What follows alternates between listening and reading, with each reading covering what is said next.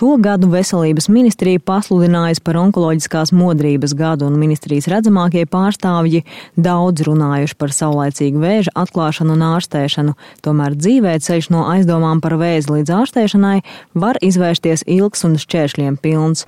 Tas ir jādara kaut kā pieejamāks, jo tas viss šī slimība pat par sevi ir agresīva. Tev nav laiks gaidīt mēnesi pie viena ārsta, pie otra ārsta. Viņa ir aptuveni 30 gadu veca, slaida pievilcīga meitene ar gariem matiem, kājās šauras zilas džinsas, ap kaklu gaišs plāns lakatiņš. Īsto viņas vārdu vienojāmies neminēt, tāpēc dēvēsim viņu par Sanitu. Mēs satiekamies kafejnīcā nelielā pilsētā, kur Sanita dzīvo. Tikšanās vietu izvēlējās viņa, jo viņas bērns šodien ir mājās un mazliet apslimis. Sanita negribot, lai vēl kāds saslimst. Viņai pašai ir krūts vēzis jau ar metastāzēm. Kad tieši sākās šis vēža stāsts, skaidri nav zināms. Pēc bērna piedzimšanas krūtī sanitai parādījušies veidojumi, un viņa par tiem jautājusi ārstei, taču ginekoloģi nomierināja, ka tie ir labdabīgi un arī analīzes ir labas. Es par to arī īpaši neiespringu, ja viss ir kārtībā, neviens jau, kā saka, neskrien, nemeklē savu visādas gaitas, ja pasaka, tu jau ārstam uzticies tomēr. Un tad bija tā, ka es turpināju strādāt, un vienā brīdī vienkārši sāka sāpēt mugura. Un gāju pie sava ģimenes ārsta, izgāju kursu, kur izrakstīja vitamīnus. Tas, protams, palīdzēja uz kaut kādu brīdi, bet pēc laika, sākot strādāt, atkal mugura sāka sāpēt. Tas bija pērn rudenī. Ģimenes ārsts viņu nosūtījis uz datortomogrāfiju un netālā slimnīcā reģionā. Viņa šo izmeklējumu rindā gaidījusi apmēram trīs nedēļas pienāca brīdis, kad man bija jābrauc uz, uz šo datortomogrāfiju, bet man paziņoja, ka ir saplīs uz tā iekārta. Līdz ar to es pat arī meklēju papildus iespējas tuvākajās pilsētās, kas man ir apkārt. Un, un tuvākais laiks, vienalga, diemžēl, atkal sanāca trīs nedēļas. Veicu šo datortomogrāfiju, sagaidot rezultātus. Bija rakstīts slēdzienā, ka vajadzīga onkologa konsultācija, ka ir izmaiņas kaulos devos ar šo izrakstu pie ģimenes ārsta. Viņa uzreiz sazvanīja Rīgas onkoloģijas centru, pieteica man vizīti pie krūšu ķirurga un aizbraucu pie viņa. Viņš apskatījās manas krūtis un teica, ka tas, diemžēl, var būt arī vēzis. Slikto vēsti apstiprināja biopsija un sekoja onkologu koncīlijas. Pirmo koncīliju Sanita gaidījusi apmēram divas nedēļas. Koncīlijas nozīmēja otro koncīliju pēc divām nedēļām un nosūtīja Sanitu mājās. Noteiktajā datumā uz otro koncīliju viņa ierasties nevarēja, jo jutās ļoti slikti. Tik slikti, ka pat nonāca palietīvās aprūpes nodaļā. Tur man arī salaida sistēmas, un tad, kad es jau, teiksim, biju daudz maz spējīga kā saka, pārvietoties, es braucu otrais uz koncīliju. Aizbraucot otrais uz koncīliju, viņi man atkal aizsūtīja uz mājām. Un teica, ka jāierod, tas, tas ir decembris, par ko es šobrīd runāju. Un, un teica, jums jāierodās slimnīcā 21. janvārī.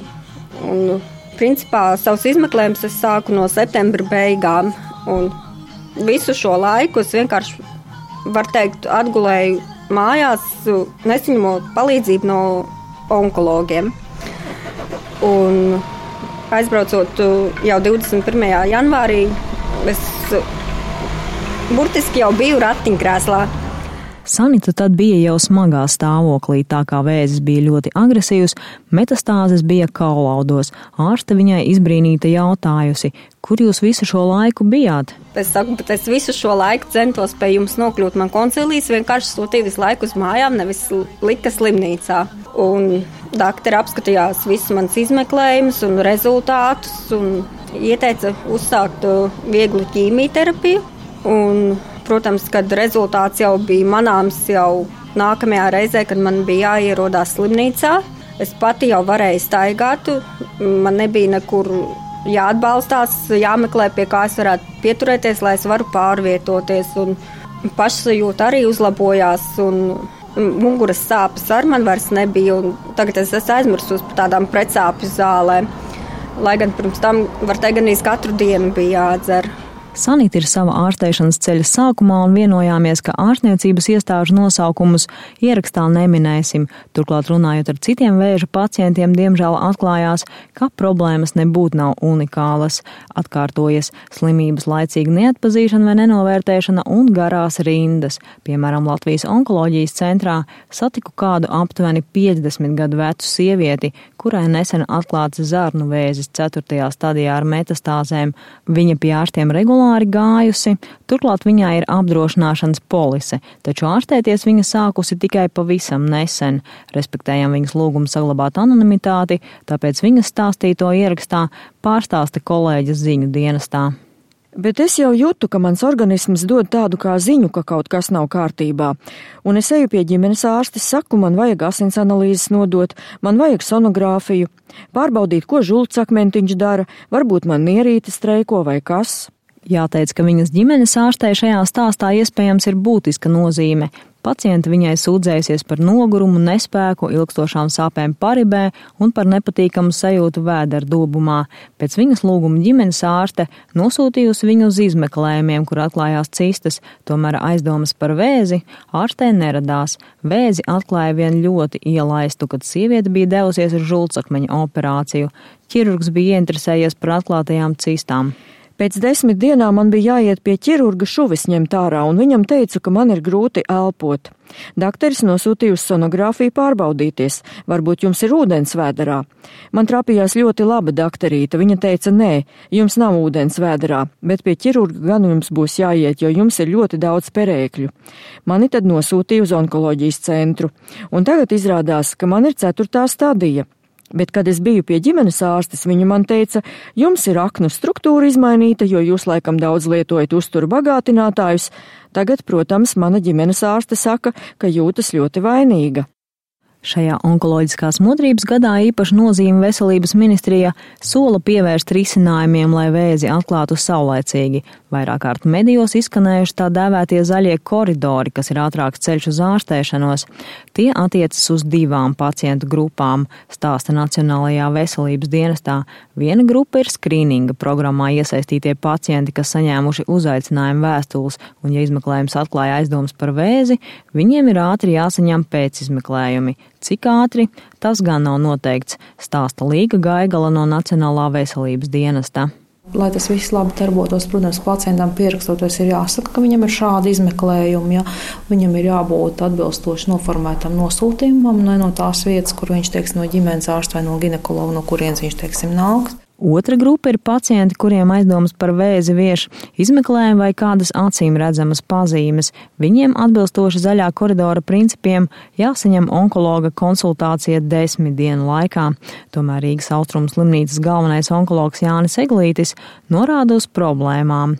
Viņš stāsta, ka vienkāršāk ir piemēram krūtsvēža skrīninga pacientiem, jo pēc izmeklējums veids tikai četrās slimnīcās, un tur tad arī pacients uzreiz cenšas ārstēt. Es domāju, ka problēma ir visi eh, audzēji, kas saistās ar vēdera dobumu. Tas ir gan eh, kuģa vēzis, aizkuņa dziedzera, kolorektālais vēzis, gan arī ginekoloģiskie audzēji, gan arī, eh, gan arī šie uroloģiskie audzēji, jo šeit tās kvotas nav īpaši izdalītas. Pēdējos gados mēs esam radījuši vai arī nu, sarakstījuši vairākas vadlīnijas vairākiem no biežākajiem audzējiem. Un šajās vadlīnijās ir minēts, ka, lai uzsāktu ārstēšanu, ir nepieciešama, piemēram, taisnās zarnas vēža gadījumā gadījumā obligāti magnētiskā rezonanse maziem iegurnim. Līdz ar to to vajadzētu paredzēt. Ja valstī mums šādi pacienti gadā ir nu, savi 4-500, ka viņiem visiem šis izmeklējums ir jāveic. Tātad kvotās to var jau automātiski iestrādāt. To. Šobrīd poliklinikā uz magnētisko rezonanci onkoloģijas centrā var pierakstīties tikai pēc pusgada, norāda Eglītis. Un nu, tas nav normāli, ja pacients nokļūst pirmreizē ar aizdomām par audzēju, ar teiksim, taktikas izvēli, kā ārstēt. Tam vajadzētu notikt arī tās pašas nedēļas ietvaros, vai tās pašas dažu dienu ietvaros, kad viņš pirmo reizi parādās šeit, redzes laukā jau ar teiksim, apstiprinātu diagnozi, jā, viņam ir vēzis, vai arī ar aizdomām, ka tur ir ļoti iespēja, liela iespēja, ka būs tas vēzis. Tāpēc, lai pacientiem nebūtu jāriskē ar savu veselību, ārstiem nākas viņus ievietot slimnīcas nodaļā, lai viņi ātrāk tiktu pie izmeklējumiem. Par rindām Nacionālā veselības dienesta pārstāve Līga Gaigala norāda, ka pieprasījums uz izmeklējumiem, gan ultrasonogrāfiju, gan datortomogrāfiju un magnētisko rezonanci auga gadu no gada, un valsts nevar visu pieprasījumu apmierināt, tāpēc Nacionālais veselības dienests šobrīd strādā pie rindu prioritizēšanas. Pēc kādiem principiem varbūt tās cilvēkiem, kuros gadījumos būtu ātrāk nepiec šī pieeja nepieciešama, kuros gadījumos būtu tā, ka var pagaidīt. Gan arī visās valstīs ir tā, ka uz izmeklējumiem ir rindas, bet tā atšķirība varbūt ir tā, ka šīs rindas tiek varbūt mazliet dažādāk šķirots. Tomēr Rīgas austrumu slimnīcas onkoloģijas galvenais speciālists Jānis Eglīts norāda, ka ne tikai pirmreizējiem pacientiem, bet arī tiem, kas jau ārstēšanos izgājuši, ir jābūt iespējai laikus nokļūt uz izmeklējumiem. Citādi var nokavēt vēža atgriešanos un tad visa ārstēšana vējā. Ko vēl veselības ministrija iecerējusi onkoloģiskās modrības gadā, Latvijas radio arī vaicāja veselības ministram Guntim Belēvičam no Zaļo un Zemnieku savienības. Mums ir vesels pasākumu komplekss iecerēts. Mēs plānojam no Belēvičs stāsta, ka ministrija plāno gan no gada vidus iekļaut kompensējumu zāļu sarakstā jaunus, inovatīvus un dārgus medikamentus plaušu vēža ārstēšanai, gan arī plāno atrisināt jautājumus, kas saistās ar tā dēvēto zaļo koridoru. Tas, ko mēs plānojam, mēs plānojam tuvākā laikā Austrumu slimnīcā esošajā onkoloģijas centrā rīkot darba apspriedi dienas garumā, kurā pieaicinātu visu posmu, veselības aprūpas posmu pārstāvjus, sākot no ģimenes ārstiem, no reģionālajām slimnīcām, no onkoloģiskā centra, arī no rehabilitācijas iestādēm. Jo ar šiem cilvēkiem ir jānodarbojas arī pēc tam, kad attiecīgās ārstu manipulācijas ir izdarītas un uh, skaidrot iemeslus, kāpēc mūs ķeras, kāpēc mūs ķeras, kāpēc mums ir rindas uz izmeklējumiem, kāpēc mūs ķeras arī ar zaļo koridoru skrīningu pacientiem. Bet es negrasos aizbildināties ar to, ka ir tā, kā ir, un tā paliks, tāpēc, ka naudas nav.